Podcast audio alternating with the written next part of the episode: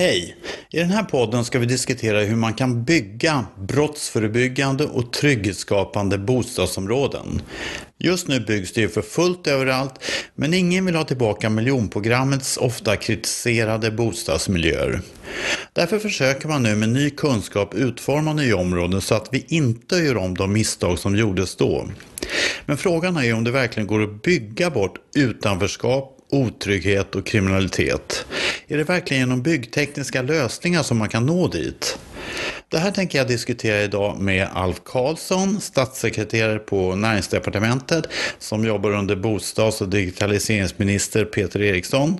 Och från industrin har jag här Johan Gerklev, hållbarhetschef Skanska Sverige och Cornelius Ytenbogard från Tryggare Sverige. Om jag börjar med dig Alf, du får ju representera politiken här. Nu ska det ju byggas som det, hur mycket som helst i Sverige och, och eh, din chef är ute här i media var och varannan dag och talar om vikten att nu måste det byggas och så. Men det handlar ju också om att bygga bra och trygga bostadsområden, inte bara, man vill inte göra om miljonprograms pressen igen om jag förstår det hela. Och, och, då är egentligen min fråga när man pratar om bra trygga bostadsområden som är lite temat här nu. Eh, är det inte lite naivt att tro att man kan bygga bort utanförskap och kriminalitet eh, genom att ska arkitekterna få ta hand om den här lösningen? Jag vill bara höra din reflektion över det kriminalitet, kriminaliteten skapas ju inte av bostadsområdet. Det är inte bostadsområdet i sig som skapar trygghet eller otrygghet utan det är ju människorna som finns i området mm. och deras känsla. Och vår, alltså vår erfarenhet är ju att ju bättre människor mår desto tjänar folk pengar, har sysselsättning, har jobb, engagerar sig, är engagerade i området de bor, då blir det också ett tryggare och säkrare område att bo mm. i. En fördel med miljonprogrammen, med den här separeringen av människor, människa, bil och bostäder, ja. det var att det ändå skapade väldigt trygga och säkra miljöer att vara, för de är skilda från bilarna. Mm. Och så kan man ju se, vi har andra miljöer i innerstan som Stureplan och Norrmalm Norrmalmstorg, det är ju där brottsligheten begås som är de riktigt otrygga miljöerna. Mm. Så jag skulle säga att trygghet eller otrygghet, det blir ju mycket liksom hur det blir för människorna som är där och hur de har det och hur de upplever sin situation. Mm. Och min bild är ju att, som vi ser i den nationella trygghetsundersökningen, det är att den absolut överväldigande majoriteten i Sverige är trygga, säkra och bra i sina mm. områden. Men vi har ett problem i vissa av våra så kallade utanförskapsområden, med miljonprogram, därför att fler människor där känner en otrygghet. Men tycker du, har det att göra med det arkitektoniska? Eh, för Nej, det... inte, inte, inte, inte nödvändigtvis. Det finns inget sånt samband. Man kan inte säga att det finns ett belagt samband mellan att bara för att du bor i ett visst område så kommer det leda till trygghet eller otrygghet. Men vad som finns är att har du, om många i ett område inte har jobb, många i ett område inte känner framtidstro, ja då leder det till ökad otrygghet. Så då finns det förstås ett behov på, ur samhällsplaneringsperspektiv att se till så att områden som byggs blir så bra som möjligt. Men du, du, du menar egentligen att det har med eh, det är andra orsaker än man ska inte lägga så stor vikt vid hur man utformar eh, området eller husen? Eller? Alltså hur, hur, man, hur man utformar områden är väldigt viktiga. Okay. Att människor kan känna stolthet, glädje och trygghet och säkerhet. Men det beror ju så väldigt mycket på. För, för många människor så är det trygghet och säkerhet att inte ha växtlighet eller buskage eller träd mm. och det ska vara belysning. För andra människor så är trygghet och säkerhet att ha en egen trädgård. Mm. Så det varierar ju väldigt mycket. Men det finns ju en tydlig forskning som jag har lärt mig som pekar på att liksom, trivs människor i ett område och känner stolthet och glädje över området, ja, då känner man också ökad trygghet. Och förstås finns det ju en erfarenhet av vad som mm. funkar och inte funkar. Ja, det var det jag tänkte. Det. Vi ska komma in på det. Jag tänkte, om jag vänder mig till dig äh, från industrin, Skanska här. Äh, spelar det någon roll för er? Ni bygger väl oavsett om det, om det är tryggt eller inte? För er är det väl mest att bara bygga som gäller, eller? Har ni något ansvar för om man bygger in trygghetsfaktorer i era hus? Ja, vi har ju två roller eh, vi har ju, det, det ena är när vi är beställare själva, det vill säga vi utvecklar då byggnaden eller områdena. Den, an, den andra rollen är vi ju mer renodlad entreprenör. Mm. Då bygger vi vad någon annan då tycker och, och tänker. Mm. Men det är klart att eh, det vi tycker och tänker även i den rollen har betydelse. Mm. Men eh, de områdena som vi vill eh, vara med och skapa, de vill vi ju att de ska vara bra för människorna, både på kort och på lång sikt. Och vi kan ju också se att genom att skapa attraktiva områden så, så blir det både bra för de boende, men, men det blir också bra för, för samhället i stort. Och det blir också lönsamt skulle jag vilja säga. Man kan ju se att i, i trygga områden, attraktiva områden, så, så är det ju populärare att bo och, och priserna går upp. Och, för det blir mer väl, välmående på något sätt. Men ni bygger väl på uppdrag av, eh, om det är ett kommunalt bostadsbolag, så, så om de har en... Eh, ni bygger enligt deras anvisning eller kommer ni in och lägger in grejer? Det verkar lite... Alltså idag så blir det allt vanligare. Alltså, historiskt sett så har man jobbat mycket med så kallade generalentreprenader, det vill säga mm. då, då, då, går vi på färdiga handlingar.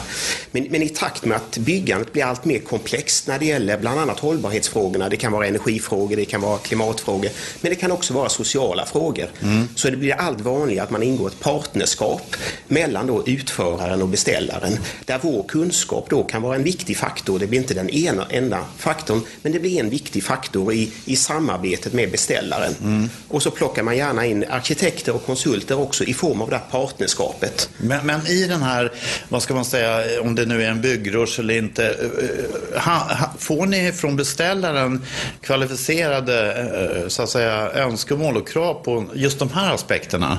Det här är ett område som jag skulle vilja säga, det, det är i, i begynnande utveckling skulle jag vilja säga. Det är ett jätteintressant område där jag tror det här med att hur, hur vi utformar både byggnaderna och områdena är en dellösning. Men det är inte den enda lösningen på de, de sociala problemen eller de otrygga eh, eh förhållanden som finns i vissa områden. Men det är, det är en viktig dellösning. Mm. Vi försöker bygga upp kunskap och vi försöker alliera oss med de som har kunskap. Mm. Om det kan vara forskare eller vilka det nu månde vara, det kan vara konsultsidan. Mm. Så att vi blir duktigare i vår roll gentemot våra beställare. Om jag vänder mig till dig Cornelis, för eh, jag har ju lärt mig, det finns ju en hel del forskning och eh, ni pratar om ett begrepp här som, eh, som heter situationell prevention. Det kommer ofta upp, eh, det har jag lärt mig att ni säger ofta. Och där, när man hör på er så är det, ligger det, lägger ni stor vikt vid hur, ut, hur utformningen ser ut, just med tanke på eh, vilka de här sociala aspekterna. Kan du utveckla det, för att, hur viktigt det är för er? Utifrån vårt perspektiv är det eh, väldigt viktigt med själva utformningen av platserna. Ehm, det är ju, ja, det är ju tvådelat egentligen. Ehm, för när det gäller både en upplevelse, då är det väldigt personligt som Alfred var inne på. Ehm, men sen skapar ju en plats förutsättningar för hur den kan upplevas. Och situationell, brotts, situationell brottsprevention, det handlar egentligen om hur man eh, gör lokala insatser för att minska antalet brottstillfällen. Och då utgår man på eh, att göra det svårare att begå ett brott, så egentligen tillgången till eh, objekten, så att säga. Men också å andra sidan eh, öka kontrollen av den platsen. Mm. Så se till att risken för att begå det brottet blir högre. Mm. Och när det gäller brottslighet då är det en tredje aspekt som kommer in också och det är egentligen den person som ska begå det brottet. Eh, om det nu finns en motiverad gärningsperson. Och där är det väldigt mycket när det gäller den sociala preventionen som vi här i Sverige har jobbat mycket med. Så när det gäller då utbildning av personer och se till att personerna uh, beter sig på ett visst sätt så att de inte ska begå brott på den platsen. För, för, dem spelar det ingen roll om man är motiverad, om det är fin belysning eller om det är sikt, uh, man ser långt eller speglar i tunnlar, eller hur? Um, om man är väldigt motiverad och um, det inte finns någon kontroll på, den, på en plats och det finns uh, en person som kan bli rånad så att säga. då, då begår den personen ju självklart det brottet. Um, men hur skulle, hur skulle utformningen förhindra den här eh, potentiella brottslingen att begå sitt brott? Mm. Hur, hur viktigt för den? Man, man, kan ju vara motiverad att begå brott, men om man då ökar kontrollen så ökar risken att bli upptäckt. Genom den fysiska utformningen så att man ser till att det är eh, bra siktlinjer, att det är öppet och att man eh, ja, på något sätt um, får bättre överblick så att man kan se vad som händer på en plats. Mm. Och samtidigt jobba med att göra det svårare att komma åt eh, det objektet som ska utsättas för brottet. Mm. Genom eh, att begränsa tillgängligheten, så det kan vara skalskytt med lås och larm eller staket, men också eh, genom att lysa upp en plats för det, det, det, det utsätter ju själva gärningspersonen också. Um, då jobbar man med de två punkterna och då kan man ändå ha en person som är motiverad. Men det, det är ju uh, flera steg för att då begå ett brott. Mm. För man ser en ökad risk och man upplever att det är svårt att komma åt. Mm. Men jag, jag, tänker mer, jag kanske är lite provokativ här, men eh, det som, som Alf var inne på här i början. Alltså, eh, vi, det handlar ju, den eh, normala termen är ju segregation och de risker som är med det. Man har en grupp människor som bor på ett ställe. I era, de här trivsamma Skanska-områdena bor det helt andra människor. Och då blir den här diskussionen nästan lite teoretisk för mig eh, när man ska utforma eh, men jag vet att du lägger stor vikt vid det och ni vid Tryggare Sverige pratar väldigt mycket om det här med eh, hur, hur verkligen torgen ser ut och lampor finns och att det är inget klotter. Och, men, men det beror på liksom vilka kanske människor som bo, hamnar av olika anledningar i de här bostadsområdena. Eller hur? Det blir liksom två olika storheter här. Fast alltså, alltså staden eller samhället blir ju består ju av människorna, människorna som bor i Men det är ingen mix riktigt, det är, det är ett problem i de här... Men det, men det, är ju en, det är ju en generell utmaning som vi har inom i samhället, att människor har olika preferenser. Absolut. Ibland så har man tvång eller olika situationer som gör att man hamnar mm. i olika situationer eller olika områden eller får bo trots att man inte vill det. Exakt. Och det är liksom ett stort problem, eller utmaning som vi jobbar med inom bostadspolitiken. Mm. Att alla människor ska ha rätt till en bra och egen bostad. Och det kan man inte komma åt genom att, det här som vi pratar om nu, situationell prevention? Nu, det är förstås, att, förstås det är ju det en del i det. Människor som bor trångt, människor som ofrivilligt bor trångt. Människor som av ekonomiska skäl inte har råd med en egen bostad har ju förstås en utsatt situation. Hårdraget, det finns ju inga som är så utsatta för brott som en hemlös person. Och, andra, och förstås är personer som bor trångt, till och med kanske utnyttjas och bor olagligt i tredje eller fjärde hand, utnyttjas och är utsatta för en svår, väldigt svår situation. Och förstås är det viktigt för bostadspolitiken att leda till att alla människor får en bra bostad. Och då är det ju viktigt att när man planerar de bostäderna ta med det här, alltså den situationella preventionen och se till så att bostäder uppfattas och känns trygga och känns bra. Och så att man till exempel inte planerar in så att ja, hur tänker man med de här kulvertarna i områden? Eller hur är det med de här loftgångarna och hur fungerar belysningen? Finns det konst på väggarna eller är det bara en tegelvägg? Alltså, mm. Det finns mycket som spelar roll. Mm. Och det skulle enligt, du håller med om att det påverkar en människans eh, brottsbenägenhet, eller? Nej, men det påverkar känslan av trygghet och otrygghet. Mm. Spelar roll hur upp, din upplevelse av det rummet där du befinner dig. Och, men vi har ett särskilt stöd nu som bara man kan söka på 500 miljoner kronor per år för att göra saker som upprustningsåtgärder liksom i miljonprogrammen. Mm. Ett syfte med det är att höja attraktiviteten, stoltheten, glädjen över det egna rummet. Precis. Förstås. Mm. Eh, och det, det, är igång sedan ett tag, va? det här ja. programmet. Ja, precis. Och det har man, jag vet att man arbetar med det. Men äh, återigen till, till dig som bygger då, eller ni som bygger på Skanska. Äh, det handlar också, återigen, jag var inne på det här med vad upphandlarna vill ha, alltså de kommunala bostadsbolagen till exempel, eller vad det nu är, när ni är i den rollen. Eh, om inte de har någon, någonting på sin lista, då bygger väl ni som de vill ha. Eh, alltså om de inte uppfyller alla de här små detaljerna som finns runt det här.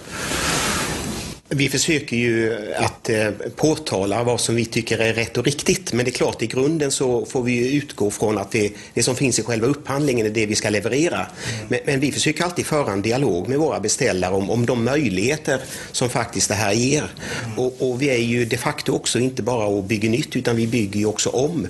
Och det finns ett, ett, ett fint exempel på ett miljonprogramsområde där man, där man rustade det inte bara fysiskt utan man rustade också socialt. Och, och där finns en hel del av de här tankarna med liksom att utgå från vad, vad byggnaderna, byggnadsen i, i, kan gör, man kan göra där för att skapa en trygghet. Det kan vara att man, man liksom har en synlighet i parkeringsplatser så att brottsdelarna i, hos, i bilarna blir mindre men också att man känner sig tryggare när man går från parkeringsplatsen och garagen till sitt, eh, till sitt boende. Det kan vara med belysning, det kan vara med förvaltning och i det här exemplet så har man ju också jobbat med att rusta området socialt genom att erbjuda de som bor i området praktikplatser och arbetstillfällen i själva byggprojektet. Så man har rustat området både fysiskt och socialt. Vad är det för område du... Det här är ett exempel från Örebro i Vivalla. Okay. Och där man också ser att det har blivit ett ett tryggare område.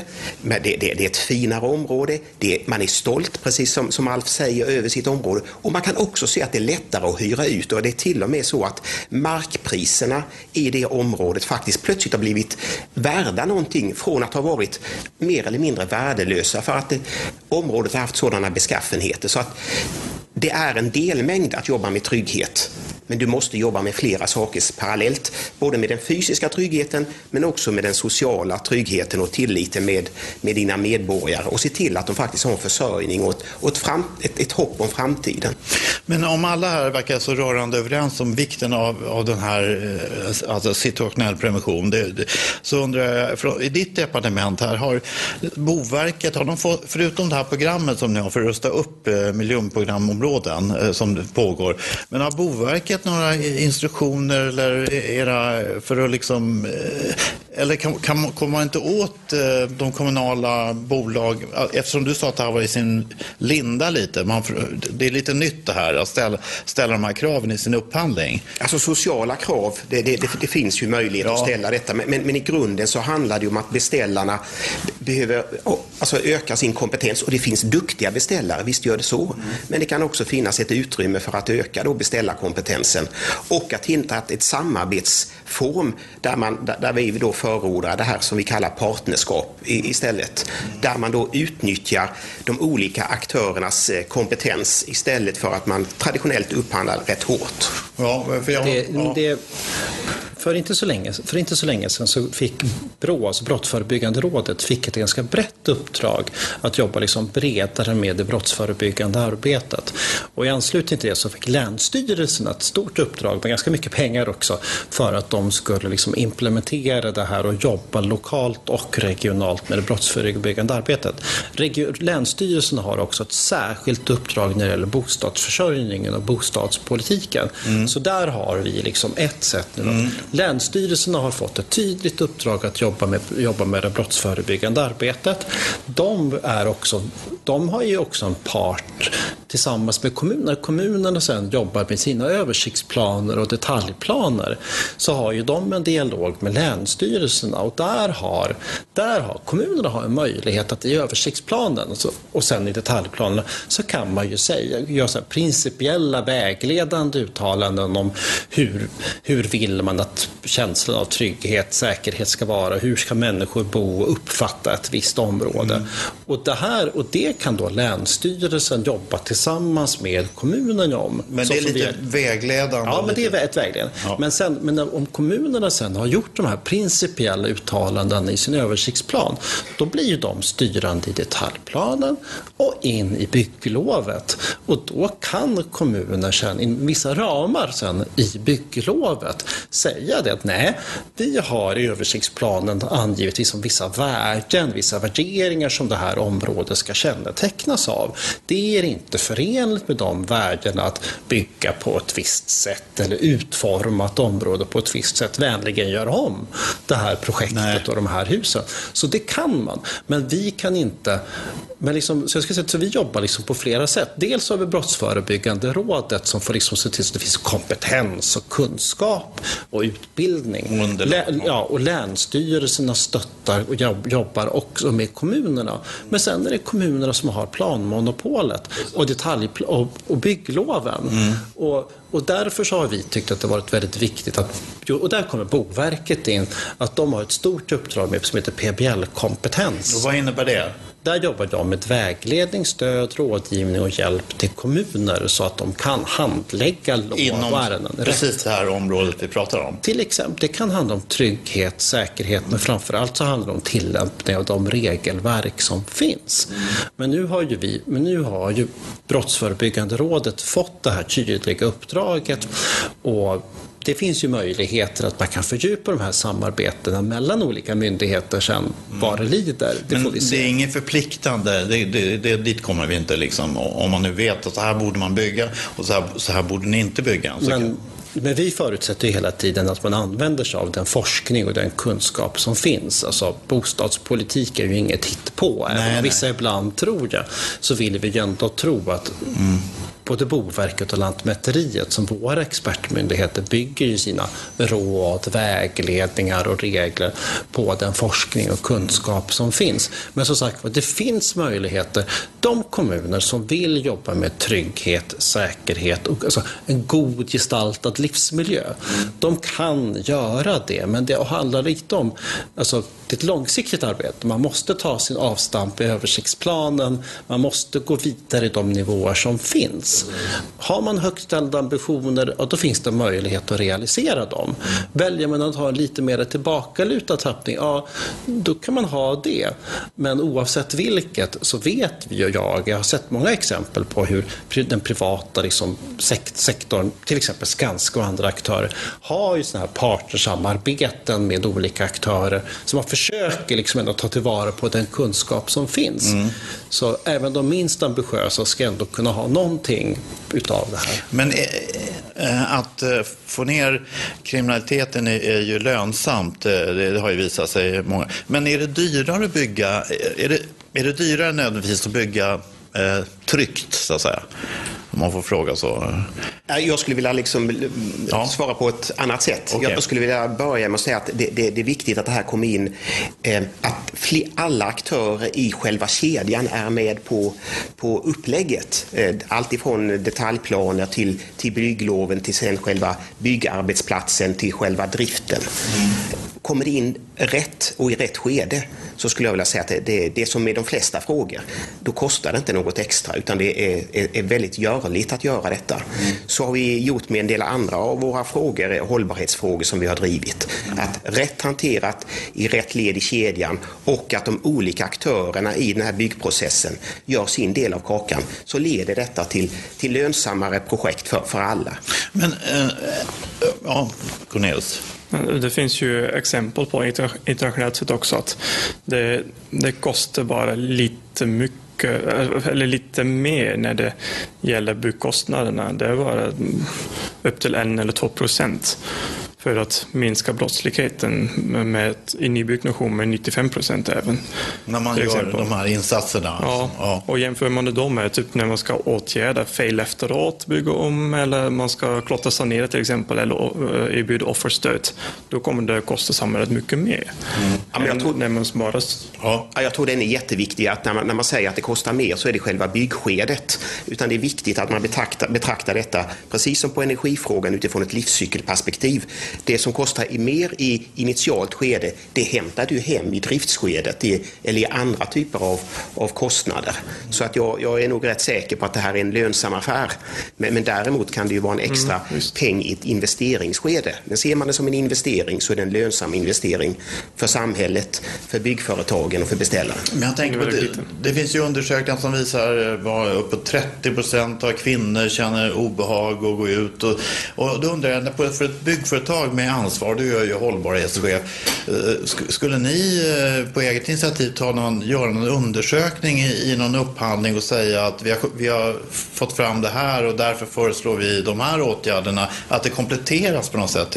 Är det liksom det är en mycket god idé. Jag tar jag tacksamt emot den, den idén. utanför ert eh, liksom... Nej, det tycker jag absolut inte. Alltså, vi vill, by- vi vill by- vi var med och medverka till att vi bygger ett bättre samhälle. För ni bygger ju för människorna som Jajamän. bor där. Alltså. Och jämställdhetsfrågan och, och trygghetsfrågan och de sociala frågorna och de gröna frågorna, de är viktiga för oss. Så där, där vi ser att vi har en roll att fylla, den rollen tänker vi ta.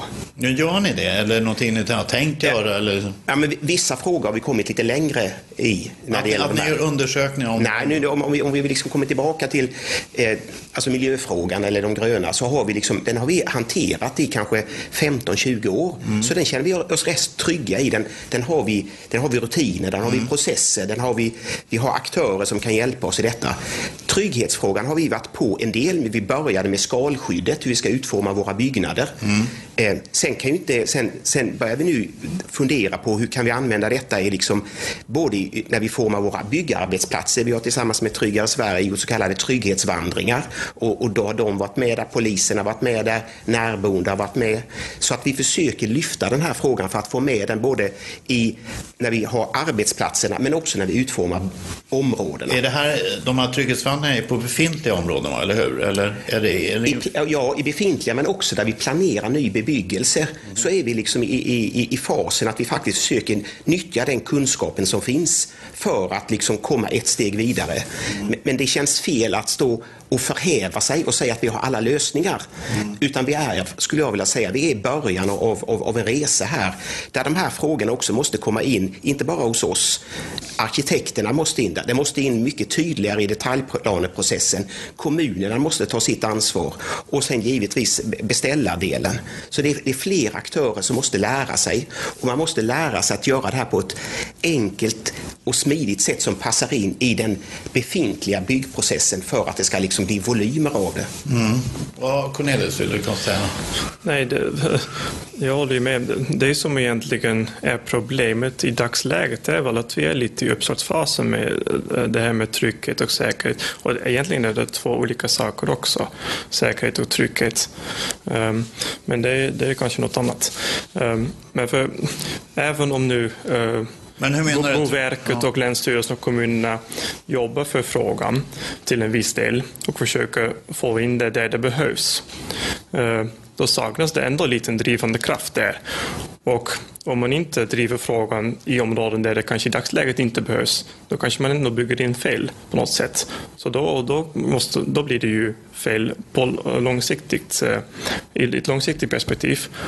Och hamnar vi i sådana där miljonprogramsområden där det på den tiden var ganska bra och det var ett bra projekt för det som efterfrågades då. Men sen när det inte förvaltas eller var svårt att utveckla sådana områden. Han hade inte kunskapen heller kanske riktigt. Exakt. Och nu, nu jobbar ju Skanska för att bygga eh, trivsammare, tryggare bostadsområden eller fastigheter. Fast de, ja, som, som du sa det, eh, ni sitter inte på all kunskap heller. Och kunskapen har ju funnits under nu närmast 40 år eller sånt. Eh, Men det som saknas är väl ett övergripande koncept som egentligen tar tag i alla frågor. Och även om man jobbar till exempel med Eh, För många fastighetsägare brukar jobba med belysning eller frågor när det gäller skalskydd.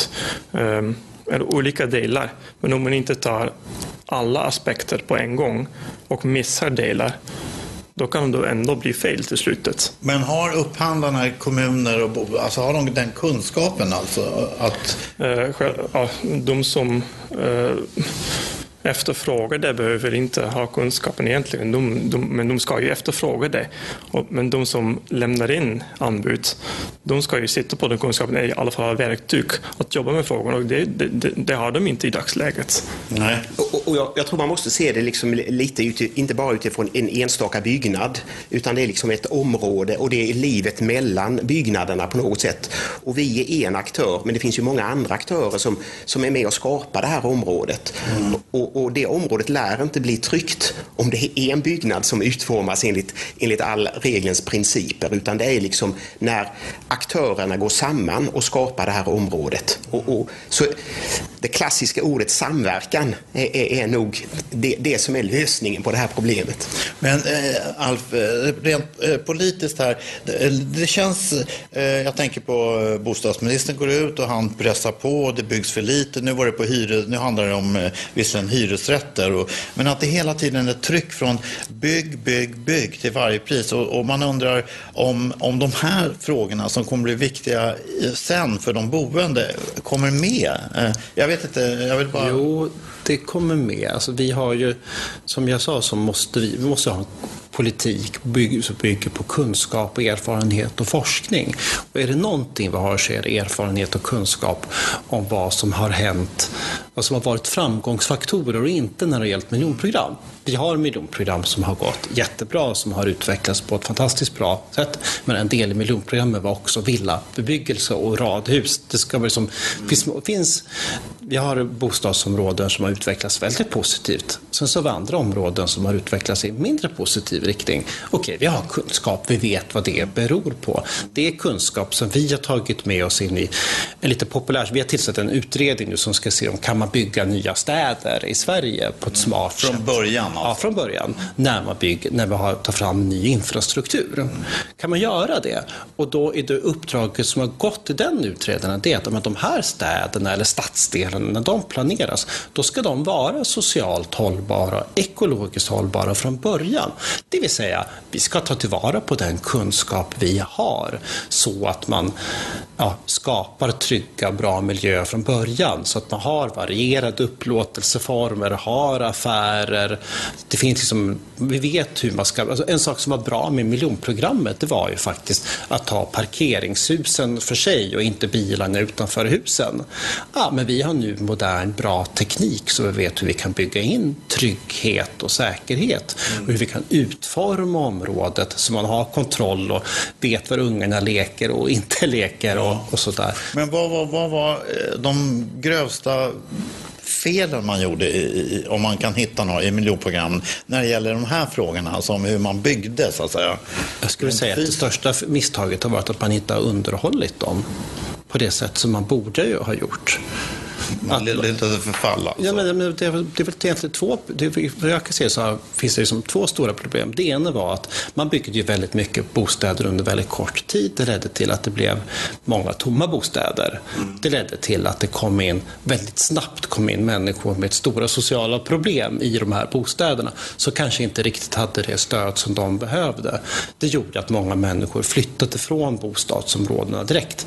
Jag växte upp i ett miljonprogram i Uppsala. Jag bodde där mina första år. Det för mina föräldrar efter, gjorde efter två år var att köpa en villa ute på landet. Mm. För då tyckte de att det blivit otryggt och osäkert. Mm. Men jag menar de här människorna som flyttade in med sociala problem som du säger. Och de hade flyttat in med sina sociala problem i ett perfekt eh, eh sån här ny stad. Hade de försvunnit? Det är liksom det jag försöker Nej, hela men tiden. Det, finns ju, det jag säger är att det finns ju en erfarenhet. Med, det finns ett skäl till varför vi inte har social housing i Sverige. Mm. Det finns ett skäl för varför vi nu har medveten politik och att olika människor från olika förutsättningar ska bo bredvid varandra. Och social housing, bara för att förklara ja. vad det betyder.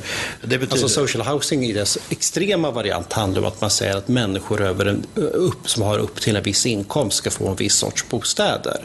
Och som politik har vi inte, i alla fall inte än i Sverige.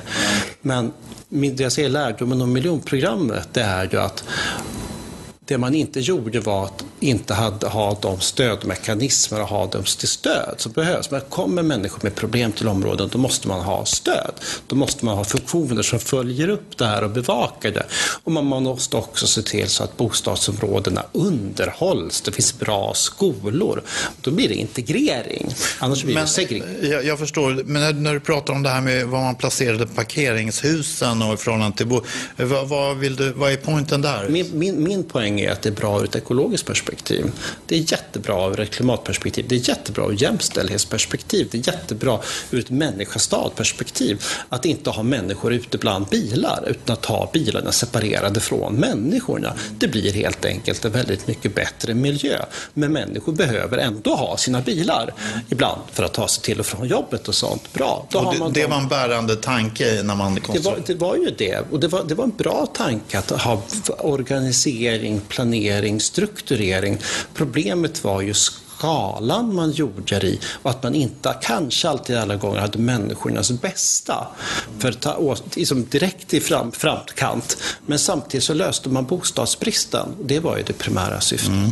Men du, de här 500 miljoner som ni har avsatt nu, hur långt räcker det så att säga för att rusta upp de här miljonprogrammen? Det, det alltså, låter ganska de, det ska, de, de, de här pengarna är inte tänkta att rusta upp själva husen. De här pengarna är för livet mellan husen. Det är ett utemiljöstöd för badplatser, lekplatser, konst, utsmyckning, parker och sådana saker. Det är en sak som man kan göra, åtgärder som man kan göra för att lyfta områdens attraktivitet. Upprustningen sen, det är en helt annan sak. Där pratar vi om behov i hur många miljarder, väldigt, väldigt många miljarder som det finns behov av. Och det är en också liksom ett stort, stor sak att jobba ja, med. För att det är ju inga bostadsbolag som gör det utan vidare sådär, eller?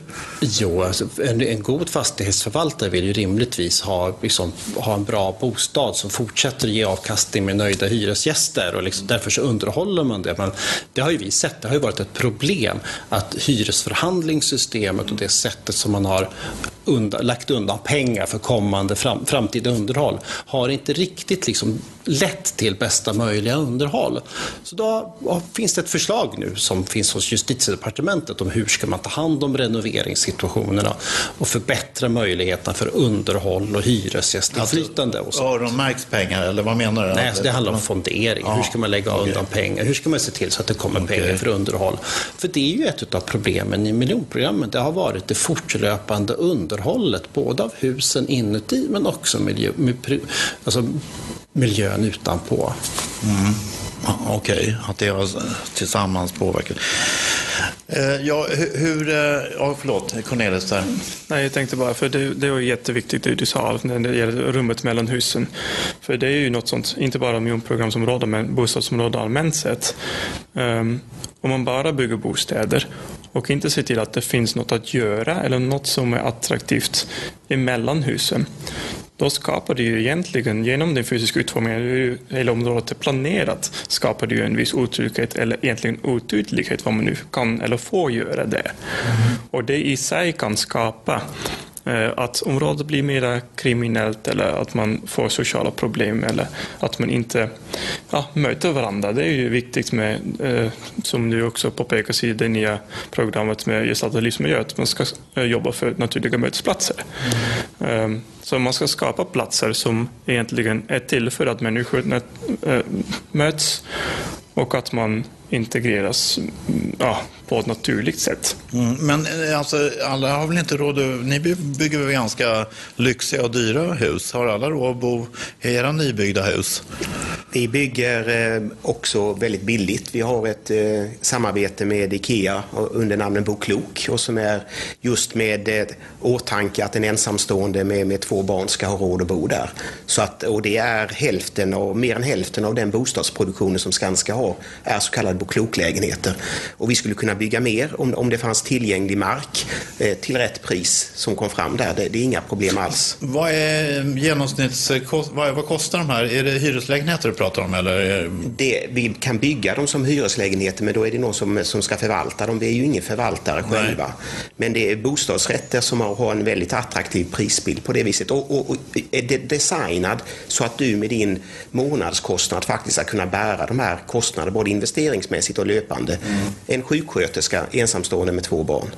Så att eh, det finns alla möjligheter att göra detta och om jag får hoppa in lite på miljonprogramsområdet så tror jag en av de sakerna som man skulle kanske också ha funderat på det är att bygga det lite mer blandat och med lite olika upplåtelseformer på det viset.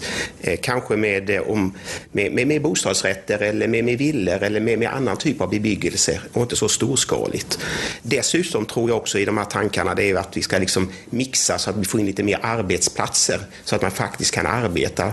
När man byggde de här så var det ju, du bor där och så jobbar du på någon annanstans. När vi planerar de nya områdena så funderar vi på att bygga in fler funktioner så det blir fler människor, fler mötesplatser och därmed som sagt en tryggare miljö att bo i.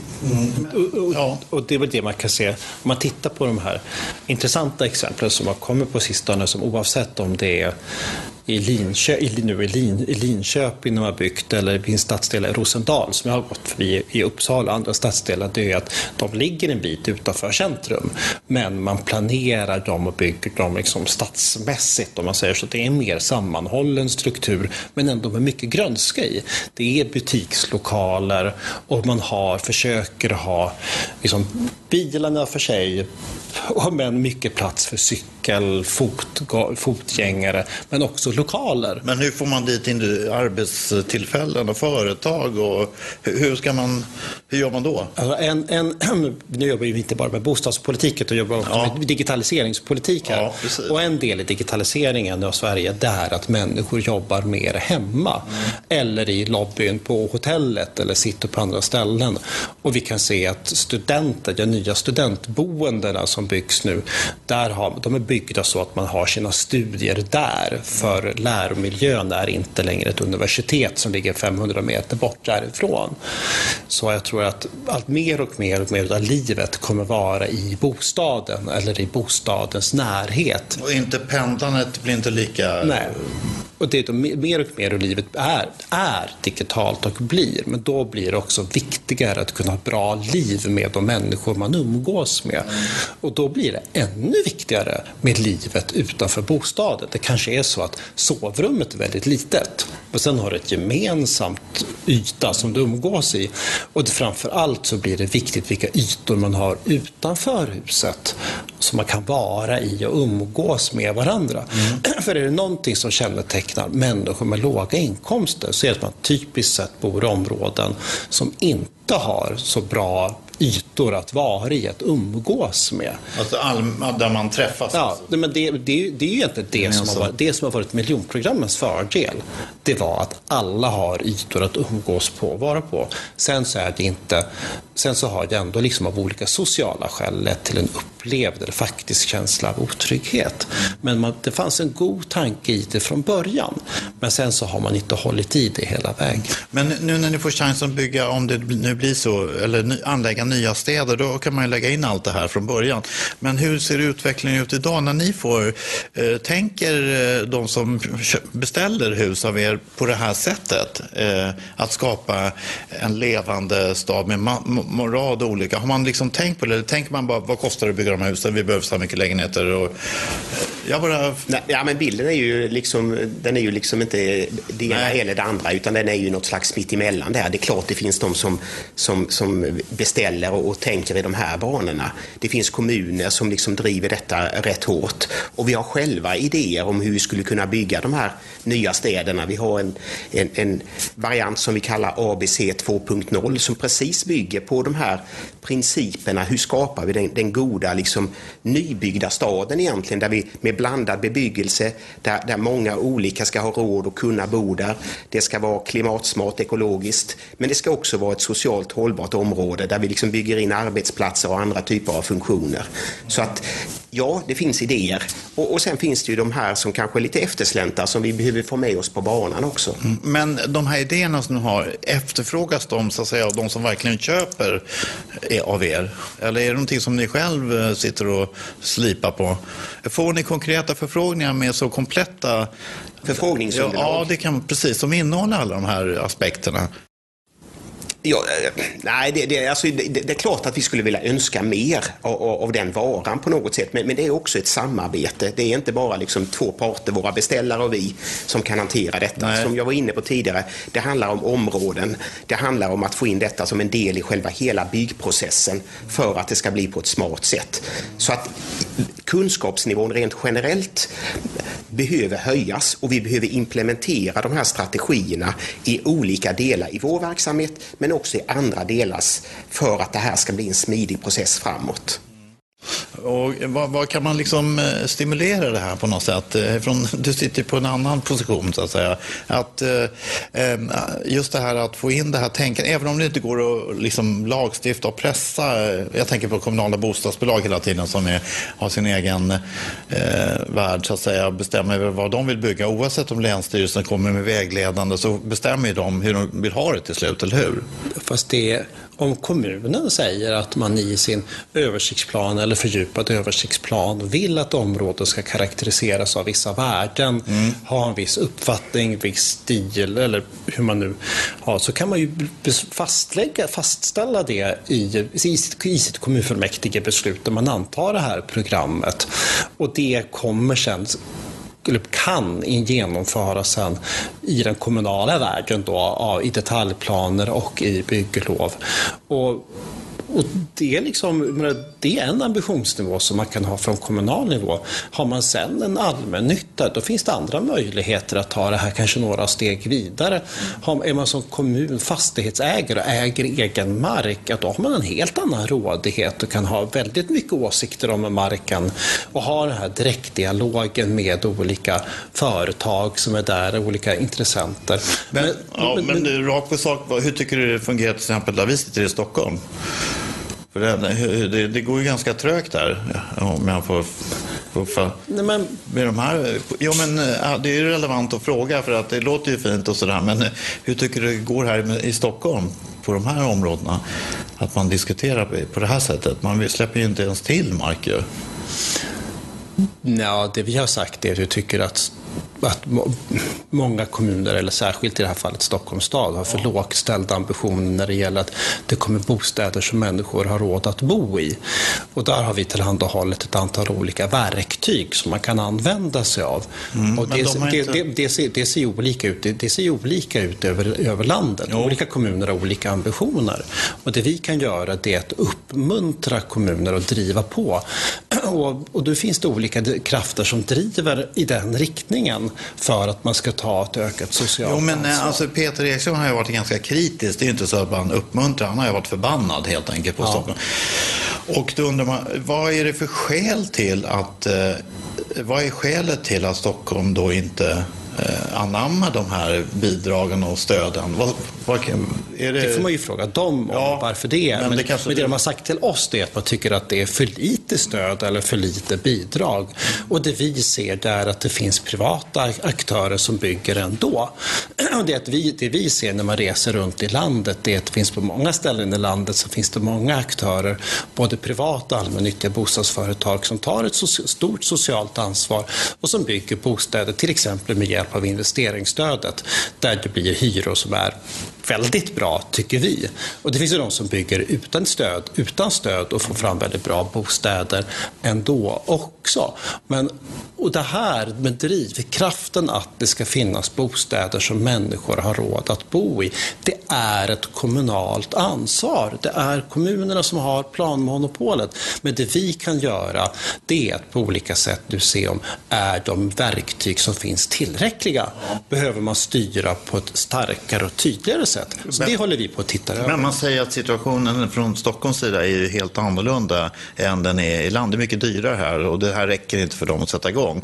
Skulle det föranleda att eh, ni skulle kunna särbehandla Stockholm på något sätt? Jag är bara nyfiken att ställa frågan nu när jag har chansen. Nej, alltså, vi har ju inte lagstiftning som, som anpassat efter hur det ser ut i vissa specifika kommuner. Så hur ska ni få fart på det då i Stockholm? Det handlar om att ta en dialog och process, olika möjligheter, se vilka möjligheter som finns och på olika sätt försöka stötta, hjälpa, motivera och samtidigt Därför att plan, plan och bygglagen ger kommuner möjligheter. Och sen så finns det vissa krav, formella krav som man har.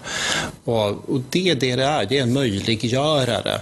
Men sen så har vi nu via Brottsförebyggande rådet och länsstyrelserna höjt ambitionsnivån i det brottsförebyggande arbetet mm. kopplat till trygghet och ja, säkerhet precis. och sagt att det här behöver ha ett ytterligare fokus, kanske särskilt kopplat till vissa miljonprogramsområden, men även när man bygger områden från början. Men det är ett stort problem att det inte finns så många bostäder som människor har råd att efterfråga i Stockholm, Göteborg, Malmö, många städer. Och det är den största och viktigaste frågan för oss att fortsätta jobba med. Mm. Ja, Skanska. Nej, men vi har ju varit inne lite på vad, vad, vad, vad kan vara en av nycklarna till detta och vi har ju ett samarbete med, med Tryggare Sverige som heter Bo tryggt 2030 som egentligen handlar egentligen om att ta fram de här liksom anvisningarna, detaljerna som gör att det blir möjligt att gå från, från det som möjligtvis är, är, är kunskapsnivå men till att omsätta det i praktisk handling. Och det är ju ett samarbete som vi tror väldigt mycket på kommer att underlätta det här arbetet med att använda byggnaderna eller områdena som ett sätt att skapa en större trygghet. Så att jag skulle vilja slå ett slag för, för just Botryck 2030. Ja, för det, det här det kan jag säga också att det, det, finns ju flera handböcker som har kommit ut. Den sista innan är den här Bo, Bo 2005 va? Och det, och det är några år sedan. Men nu när ni ska jobba vidare här, vad är det ni ska utveckla utifrån? För det är ganska detaljerat. Jag har gått igenom där eh, anvisningar och eh, hur man ska bygga. Det är sida upp efter sida ner. Vad är det ni ska göra ytterligare som har, har förändrats här nu när ni kör till 2030? Versionen från 2005 är väldigt detaljerat, ja. Mm. Men vi ska nu ta fram en ny modell, ett nytt verktyg egentligen, till alla samhälls eller stadsutvecklare. Som är egentligen en uppdatering av den 2005-versionen. Ehm, men den kommer att vara väldigt mycket mer enklare att jobba med, väldigt mer äh, lätt användbart egentligen. Vad menar du med verktyg i det här sammanhanget? Ehm, att det är ett, um, ett dokument som man kan ja, man kan gå in på, söka på olika typer av projekt, uh, i vilket planskede man är till exempel. Och sen får man fram en lista med uh, punkter man ska ta hänsyn till. Uh, när det gäller då när man ska bygga, om det nu är bostäder, om det är centrumanläggningar eller om det är en sporthall eller att vad, vad man vill bygga. uppfylls, alltså att man uppfyller ja, de här... Och att man sen utifrån olika aspekter som egentligen täcker hela um, situationell Eh, preventionstankarna. Men det är redan gjort här i, i 2005. Eh, vad är det ni ska ehm, tillföra ytterligare? Ja, men det, det är ju nu 12 eh, år sedan. Ja, vad är och det, det fanns bara på papper och ingen, det, några som använde det på den tiden men just nu är det få som använder det egentligen. Men själva kunskapen har inte ändrats, teorin är fortfarande samma. Men ändå har man sett att under de här 12 år har det inte gått vidare när det gäller stadsplaneringen. Man bygger fortfarande på samma sätt. Men det är ju inte förpliktigande, det är det som jag var inne lite på. Man, man måste inte bygga enligt 2030, eller hur? Det är bara ett fint dokument här som man har, som man, man kan vad man vill. Det är mm. inte, det är inte liksom något, något krav på att man ska utvecklas enligt det här programmet som ni jobbar med, eller? Nej, det, alltså det, det, och det, där kan man väl jobba med lite olika. Jag tror det ena är att säga att man har liksom eh, ett dokument som man kan jobba med. Sen måste man utgå från själva platsen, för det liksom kommer skilja sig. Och man måste utgå från liksom vad som är relevant för den platsen och de människorna som bor där. Eh, sen kan man ju möjligtvis, när väl det är framme, så kan man ju fundera på hur styr man detta? Är det med lagen eller är det med andra typer av incitament på något sätt? Och där tror jag inte man ska underskatta att det finns liksom andra, andra drivkrafter än lagkraven som kanske ibland är snabbare eh, och som man kan då möjligtvis utnyttja. Och så ska man också komma ihåg att det finns drivkrafter i, i, i andra sektorer som vill de facto göra gott om man får redskapen för att göra detta. Mm, alltså du tror inte man behöver, det kommer lösa sig? Nej, men jag tror man måste liksom se att det är, liksom, det är fler, det är fler eh, fler saker än lagen som man ska ha i åtanke. Hur skapar man incitament för de som vill och de som vill driva de här frågorna och hur utnyttjar man faktiskt att en del kommer göra detta bara för att de vill göra gott i princip. Mm, ja. Men hur skapar man de här incitamenten då? Ja, alltså vi, vi är ju liksom lite förespråkare för att liksom, eh, alltså kommande från näringslivet så, så tävlar vi och, och, vi tycker om tävlingsmomentet. Så att när, i markanvisningstävlingar och den typen av liksom aktiviteter så skulle man kunna lägga in en, en sån här parameter parameter när man utvärderar den, den byggare eller den byggherren som får bebygga marken. Så det finns lite olika, men det får man från kommun till kommun egentligen bestämma vad, vilka drivkrafter eller vilka incitament man vill då liksom använda. Men det vore ju jättebra att lägga in en sån parameter, eller hur? Om man nu vill få... Men man behöver inte göra lagstiftningsväsen utan du menar att det här kommer ja, rulla på själv då på något sätt? Det är inte säkert det kommer rulla på, men, men man ska inte satsa allt på ett kort. Det tycker Nej. inte jag. Ja, det var få som vill ha egentligen flera regler och krav ja, till slut. Jag var bara nyfiken. Eh, men äh, det är som när det gäller kraven, då är det väl att egentligen att kommunen tar ansvar att även att man kan använda det här verktyget, Botrygg 2021 till exempel, när det gäller till exempel upphandlingar eller äh, tävlingar, att det, att det är en del i själva upphandlingen. Mm. Att de också ja, ska kvalificera att de kan jobba, ha kunskapen egentligen för att bygga på rätt sätt. Mm. Och det är väl det hela konceptet bygger på. Att ge alla som utvecklar eh, samhället kunskap hur man jobbar med det. Eh, och därför, därför har vi också ett partnerskap med väldigt många olika aktörer. Vi har ju Skanska som är byggherre, vi har ju fastighetsförvaltare, både kommunala och privata. Vi har några kommuner med också, stadsbyggnadskontor mm. och andra ideella organisationer men också andra olika Eh, teknikföretagen och sånt. Men kan man, jag måste bara fråga, kan man mäta eh, det här på något sätt? Eh, att det blir en förändring i de frågor vi pratar om, trygghet och säkerhetsaspekterna? Eller är det bara en hopp förhoppning eller vet man det här verkligen? Att det, jag måste ändå fråga. När, när det gäller säkerhet är det enkelt att mäta för det gäller ju anmälda brott egentligen eller kriminalitetsnivåerna. Trygghet är lite svårare att mäta för en individuell upplevelse. Mm. Men det, det, går ändå att undersöka hur människor mår eller hur de upplever själva platsen. Och det gör man ju egentligen genom undersökningar enkäter. Men kan man göra det före efter en plats som har... Man borde göra det före och efter, ja. Och, men uh, det har jag sällan gjort hittills. Det har sällan varit någon utvärdering eller att man har kollat på effekterna på hur det har blivit. Om det nu efter en upprustning i ett nedslitet område, om man har före och efter hur folk ja, sannolikt mår nu det upp, hur platsen upplevs helt enkelt. Ja, eh, fast, Men ja. det, det, det också hänger ihop med att det inte riktigt finns någon definition på vad, nu, vad är nu trycket i stadsplaneringen. Mm. Då, då blir det svårt att mäta också mot det. Om man inte har något... Ja. Men jag, jag tänkte på en helt annan sak. Det är att vad vi vad pratar om här det är ju hur viktigt det är att man försöker planera och förhindra problem från början och göra det så bra som möjligt. Och vi har pratat om livet mellan husen, att folk vill känna stolthet och trygghet i sin egen miljö. Så då, en sak som vi har sagt tror kommer vara viktigt där, det är att liksom stärka arkitekturens roll. Mm. Att se liksom att arkitekt hur man liksom jobbar arkitektoniskt med utformningen av husen och miljön.